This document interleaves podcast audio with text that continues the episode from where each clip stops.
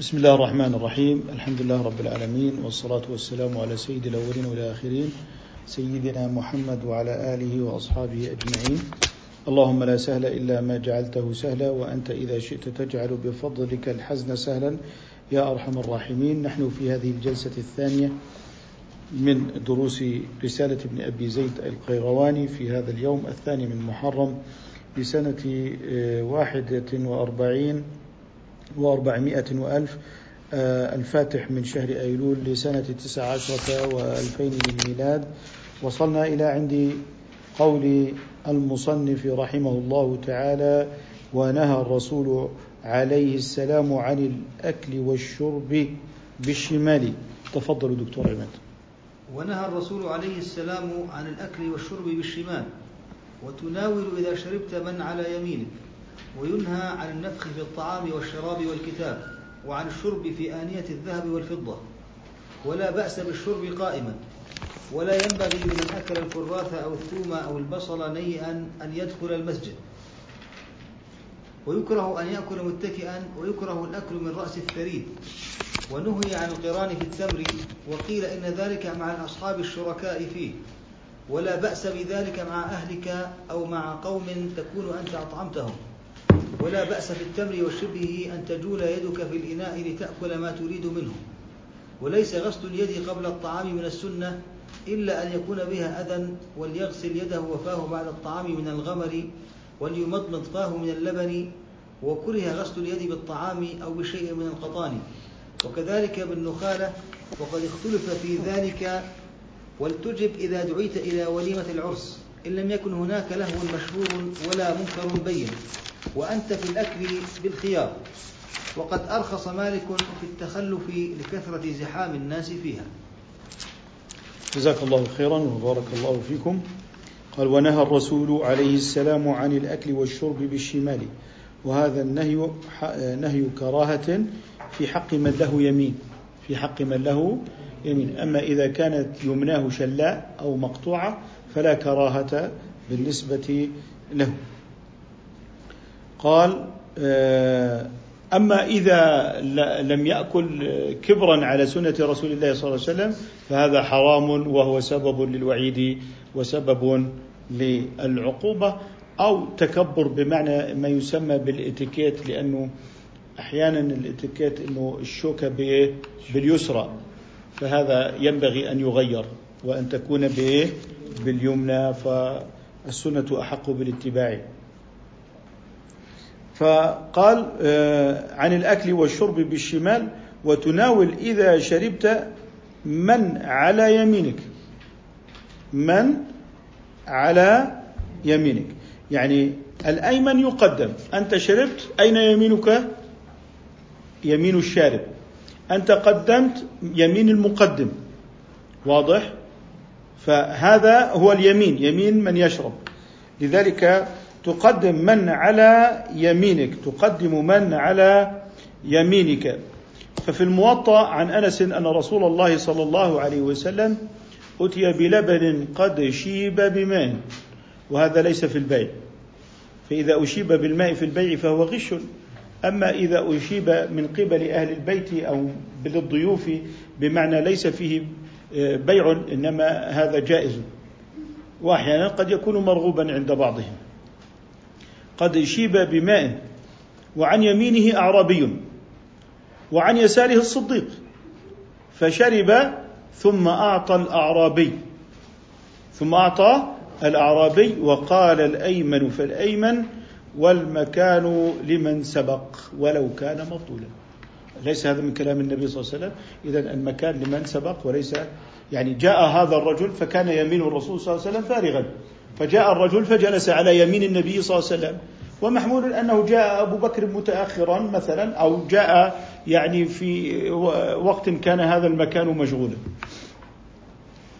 فلذلك تبدأ بالأيمن وإن كان مفضولا، تبدأ بالأيمن وإن كان مفضولا، وإن كان أصغر سنا، وإن كان جاهلا من العامة ويعني وإن كان يعني مغمورا غير معروف فالابتداء باليمين أولى ولو كان أصغر سنا.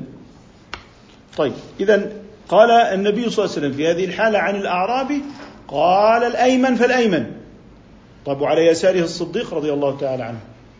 لو كانت الأمور بالأفضلية من المجمع عليه أن أفضل هذه الأمة بعد نبيها محمد صلى الله عليه وسلم هو أبو بكر الصديق رضي الله تعالى عنه.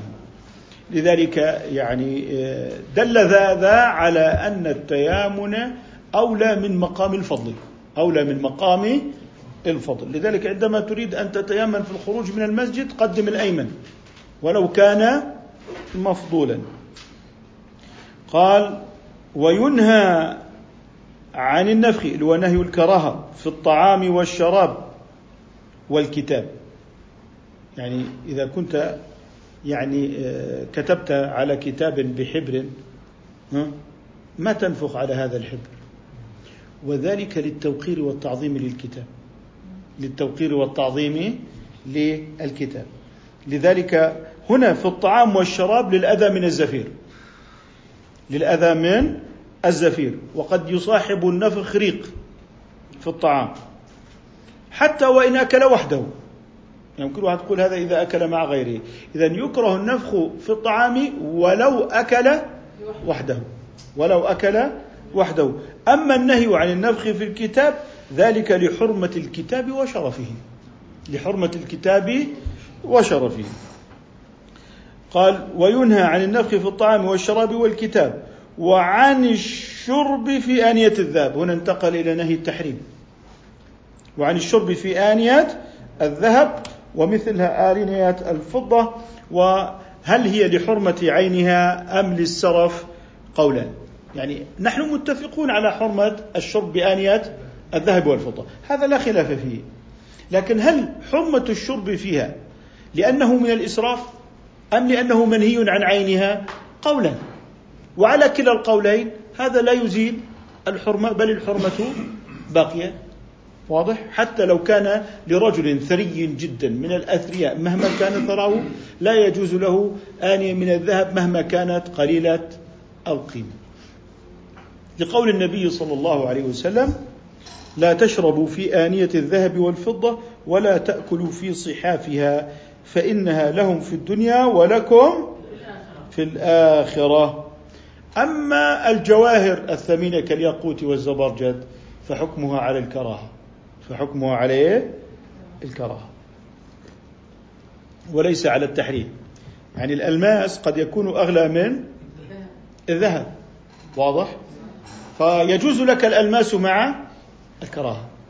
ولو كان أغلى قيمة. ولو كان أغلى قيمة. قال ونهى عن الشرب وقلنا إن النهي هنا نهي تحريم. ونهى آه، وعن الشرب في آنية الذهب والفضة ثم قال ولا بأس بالشرب قائما. والشرب كالأكل أو الأكل كالشرب. وبقية الاستعمالات. قال ولا بأس بالشرب قائما وهو جائز. هنا لا بأس بمعنى إيه؟ آه؟ الجواز بمعنى إيه؟ الجواز.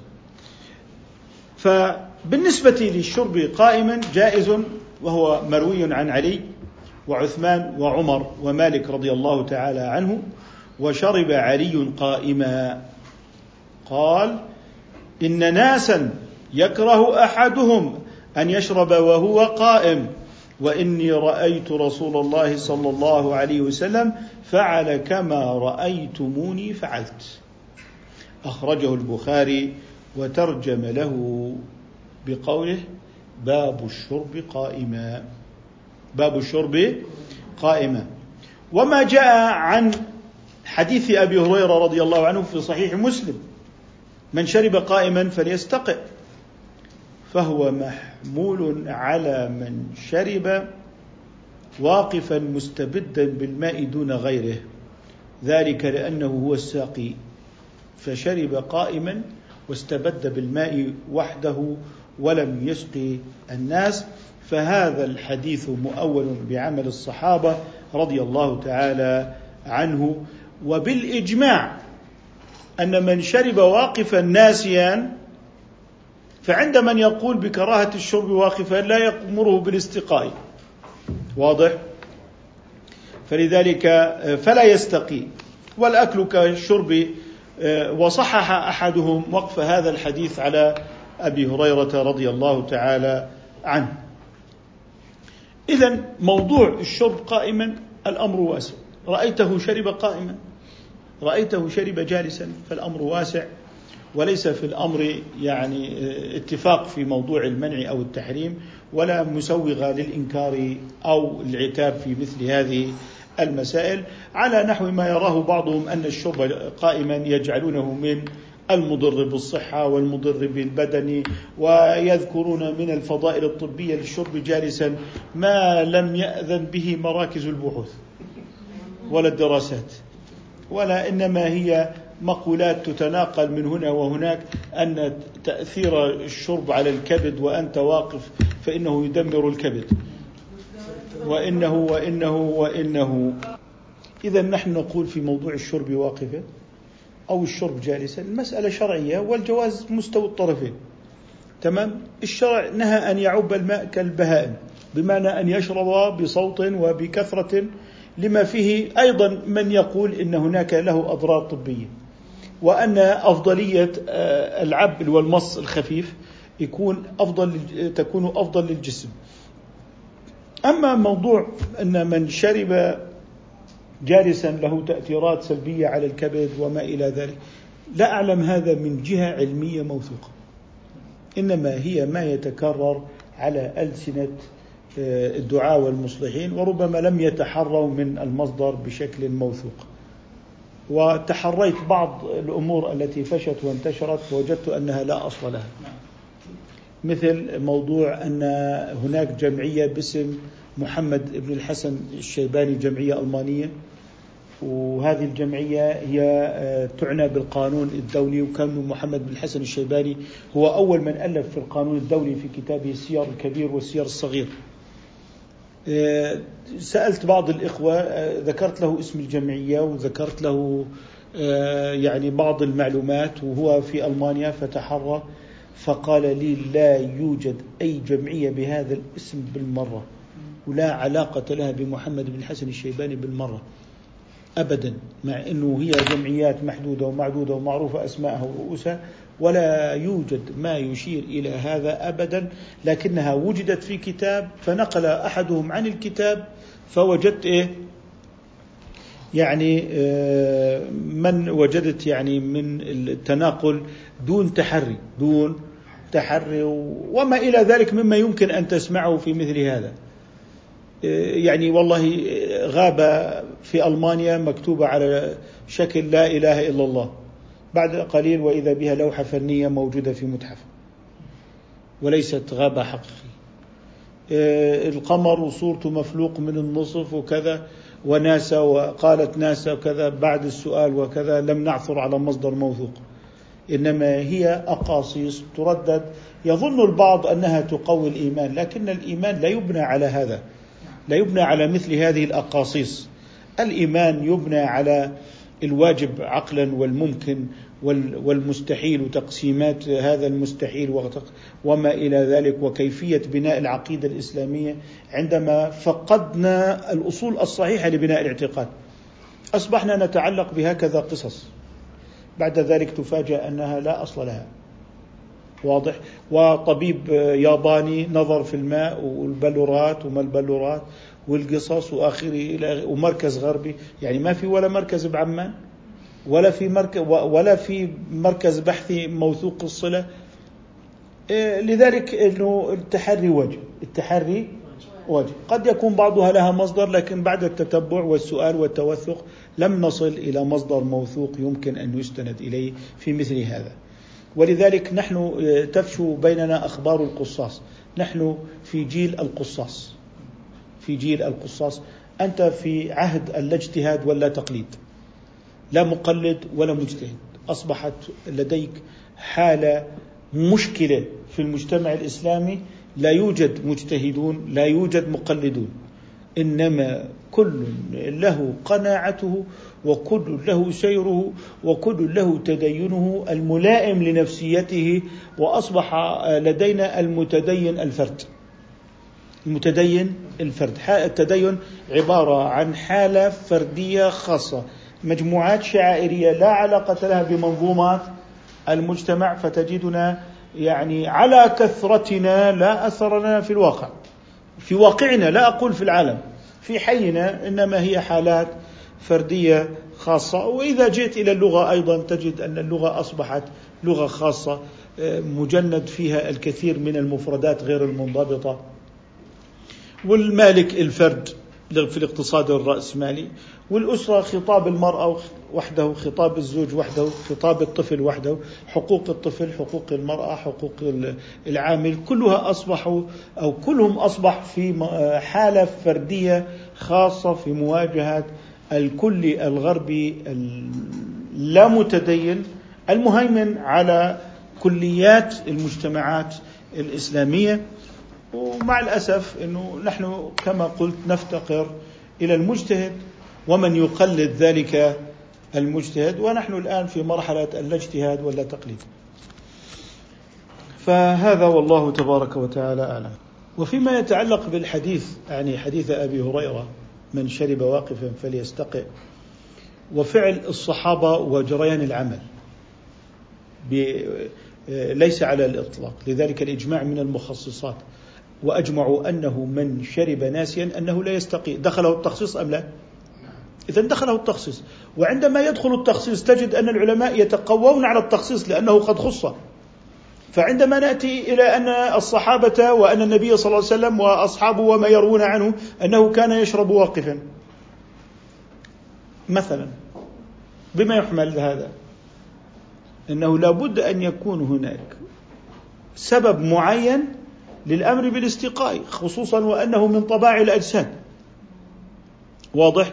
أن يقوم على نصح لسبب خارج عنه. وفعل الصحابة رضي الله عنهم وعمل الأمة مخصص. لذلك تجد حديث ابن عباس حديث صحيح جمع من غير سفر ولا مطر وكان ذلك في المدينة. من من الفقهاء يعمل به؟ لا أحد. لذلك كان الإمام مالك يحذر من الأحاديث التي ليس عليها العمل. وعندما يأتيه خبر الواحد وليس عليه عمل السلف فإنما يتأوله تأويل تأويلا خاصا به. فلذلك الأمة مجمعة على عدم الفتوى من الأحاديث التي ليس عليها عمل العلماء. كالأمة متفقة أنه لا يزاد على صلاة الجنازة أكثر من أربع تكبيرات. مع أن هناك آثار بما هو فوق أربع تكبيرات. بما هو فوق أربع تكبيرات. لماذا؟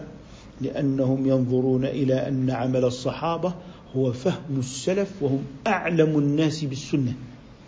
فلذلك كانوا يحذرون من الأحاديث التي ليس عليها العمل.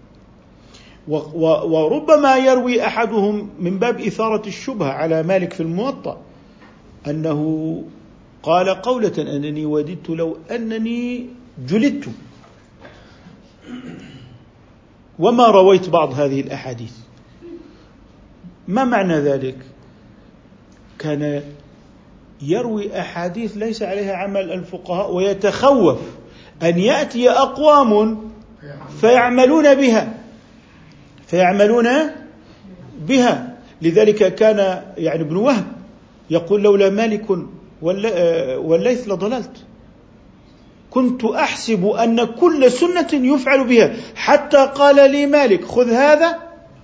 ودع هذا. هذا ليس عليه العمل لذلك سبعون حديثا في الموطأ ليس عليها عمل الفقهاء. ليس عليها عمل مالك. حتى نكون أدق. لمالك عه حديثا لم يعمل بها صحيحة مقدما للعمل. عه اللي هو العاء خمس وسبعين الها سبعون في حساب الجمل والعين خمس فصارت خمسة وسبعين حديثا لم يعمل بها مالك لماذا؟ ليس عليه العمل فيعتبر العمل من باب النقل المتواتر. وبما أنه نقل متواتر رجح من حيث السند على خبر الواحد. وهذا في الأمر التعبدي. لذلك يقول في المراقي وأثبتا حجية للبدن فيما على التوقيف أمره بني.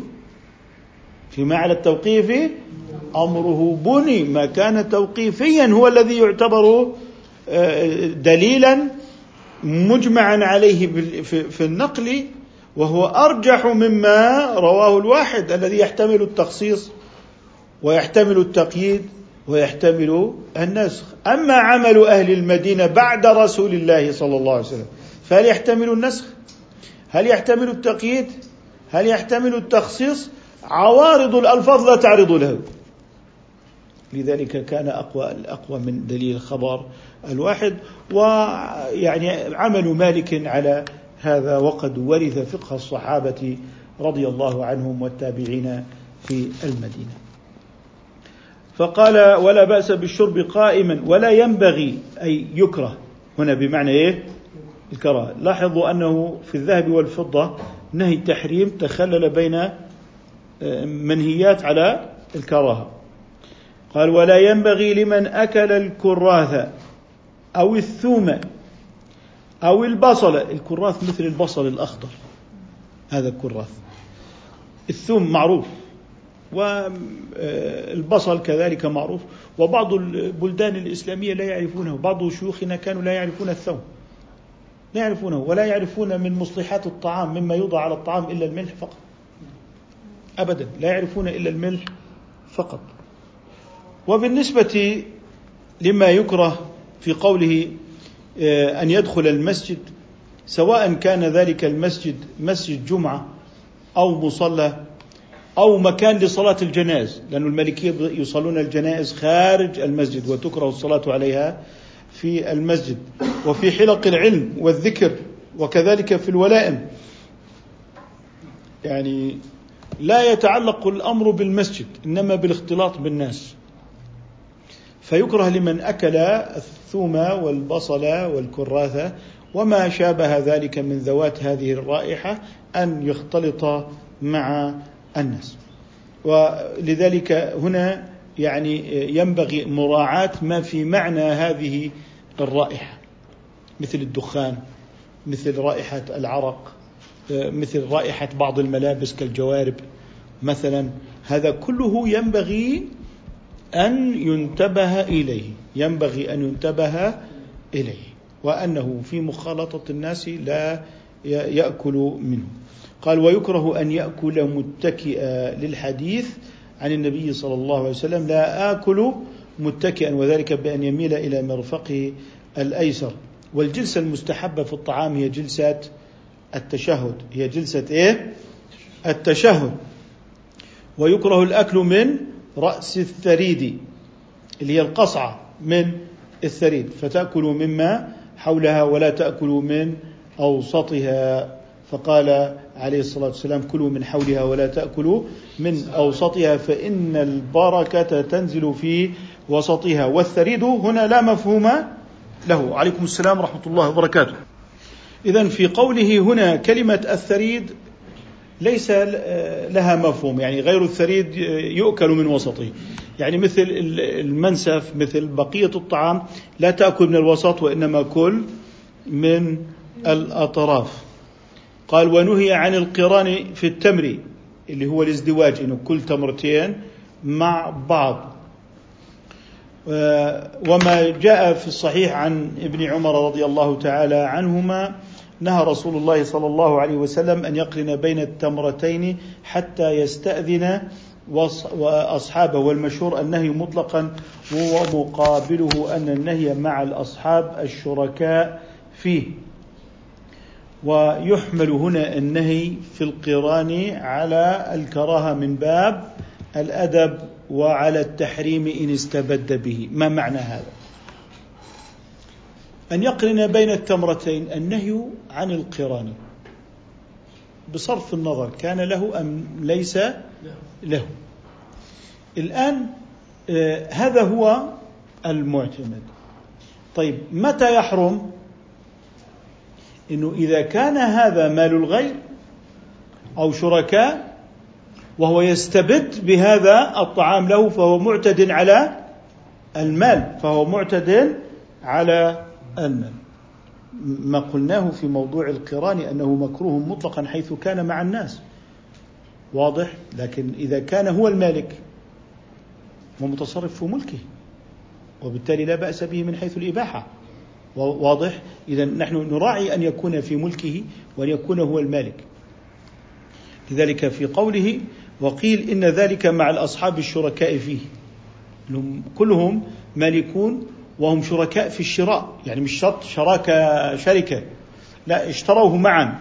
فيكون حراما إن استبد بالطعام بهذا القران لأنه استبد دون أصحابه إلا أن يجود صاحب النصيب فيكرم هذا الذي يأخذ التمرتين ويعني يبيحونه له. واضح؟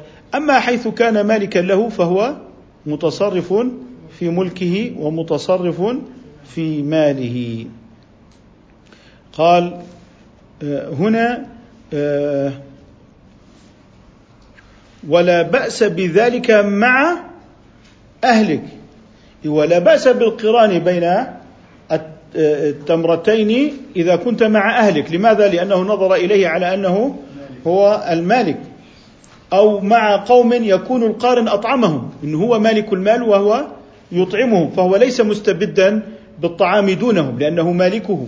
وهم مرتفقون في ذلك. وهم مرتفقون آه، في ذلك. لذلك نقول إنه آه، بالنسبة للضيوف لهم فيه حق الارتفاق ويتقرر ملكهم له بعد الأكل وهو متقرر له الملك قبل الأكل لأنه هو مالك الطعام. فما أكلوه كان ملكهم.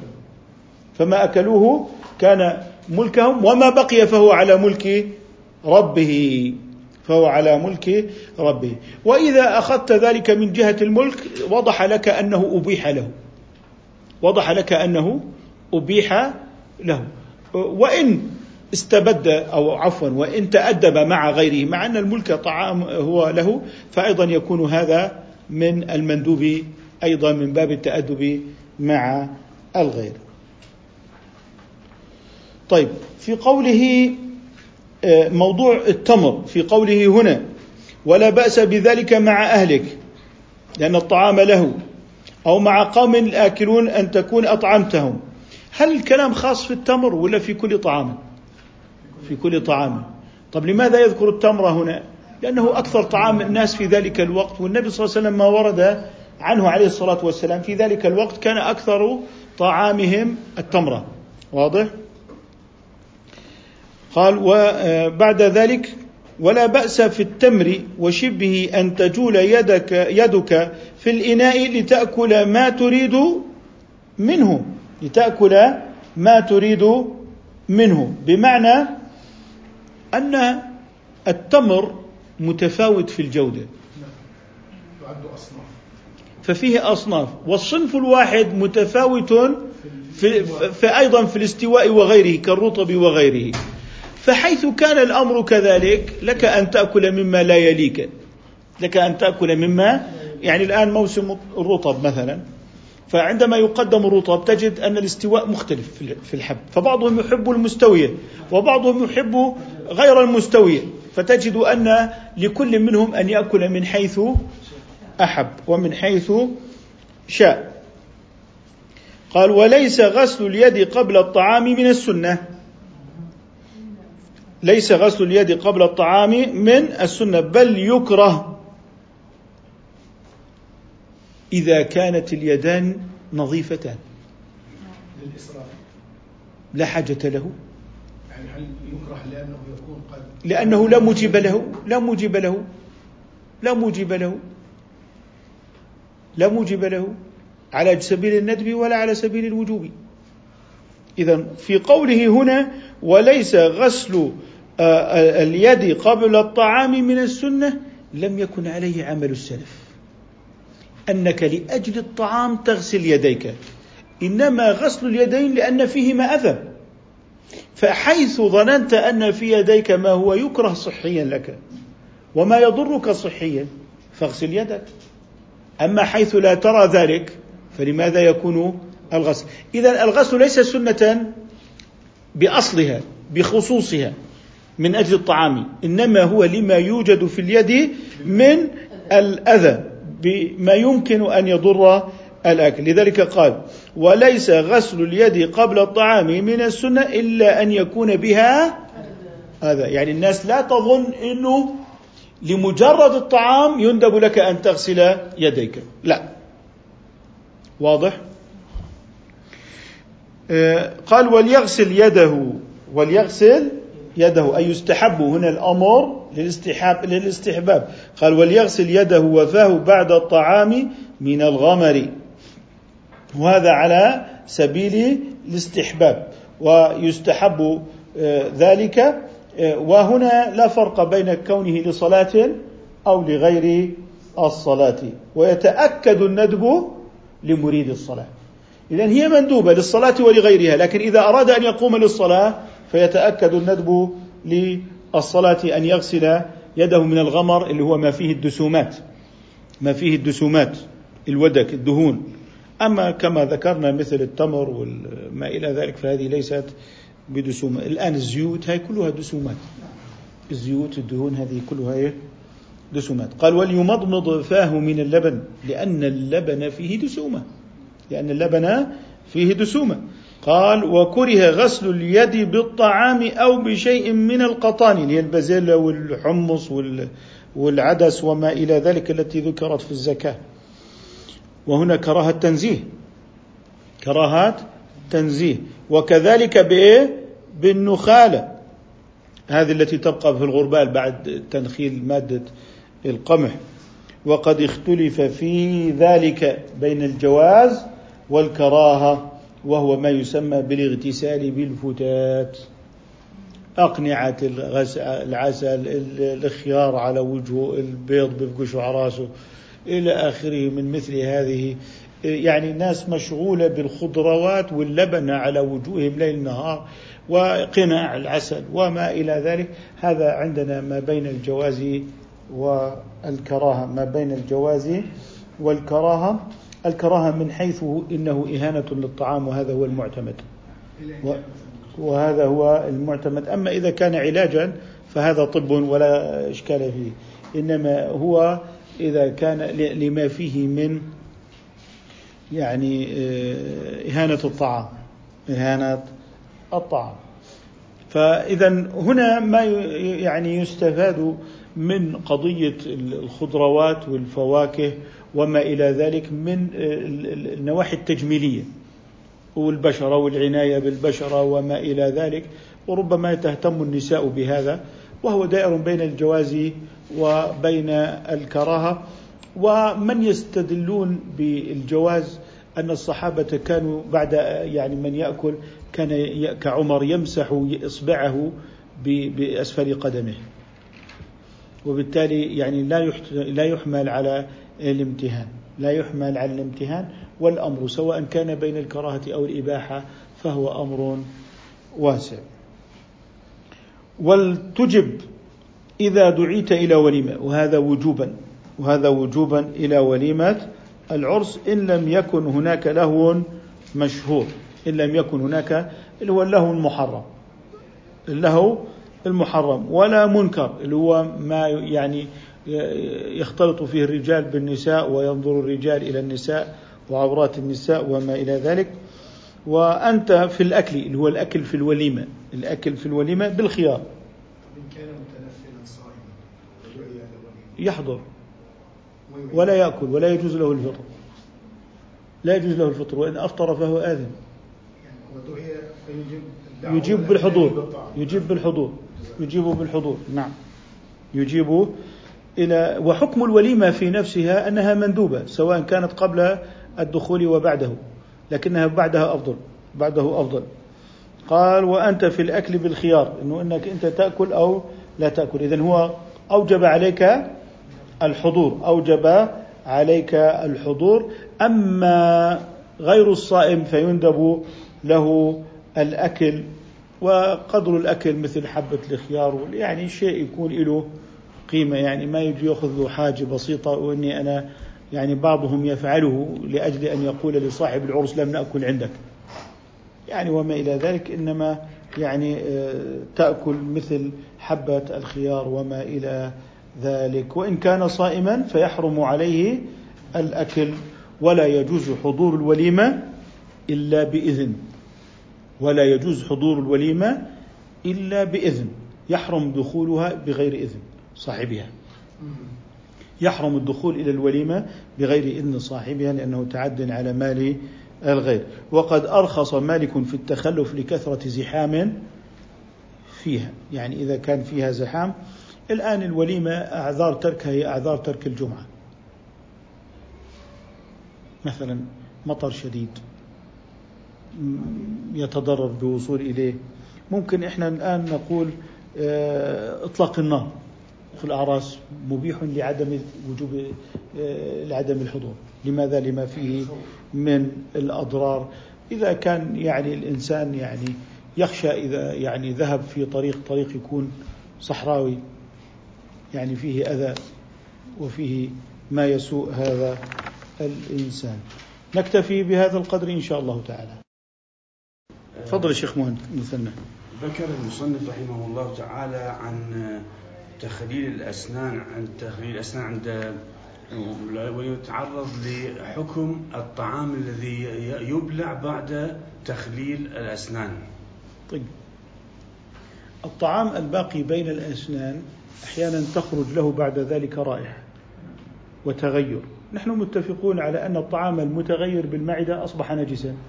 فالقيء المتغير نجس. القيء الذي كالماء ليس نجسا. يا ترى هذا الطعام الذي بين الأسنان ثم بعد ذلك أصبحت فيه عفونة نتيجة قلة الاهتمام بالنظافة وعدم التخليل الذي ندبنا إليه. نقول إذا تغير بعفونة يبقى على صفة طاهر وليس نجسا. أما إذا تخلله دم من الأسنان ومن اللثة فيعتبر نجسا ويجب عليه المضمضة للصلاة لأنه نجس يجب عليه المضمضة للصلاة. نكتفي بهذا القدر إن شاء الله تعالى. سبحانك اللهم وبحمدك نشهد أن لا إله إلا أنت نستغفرك.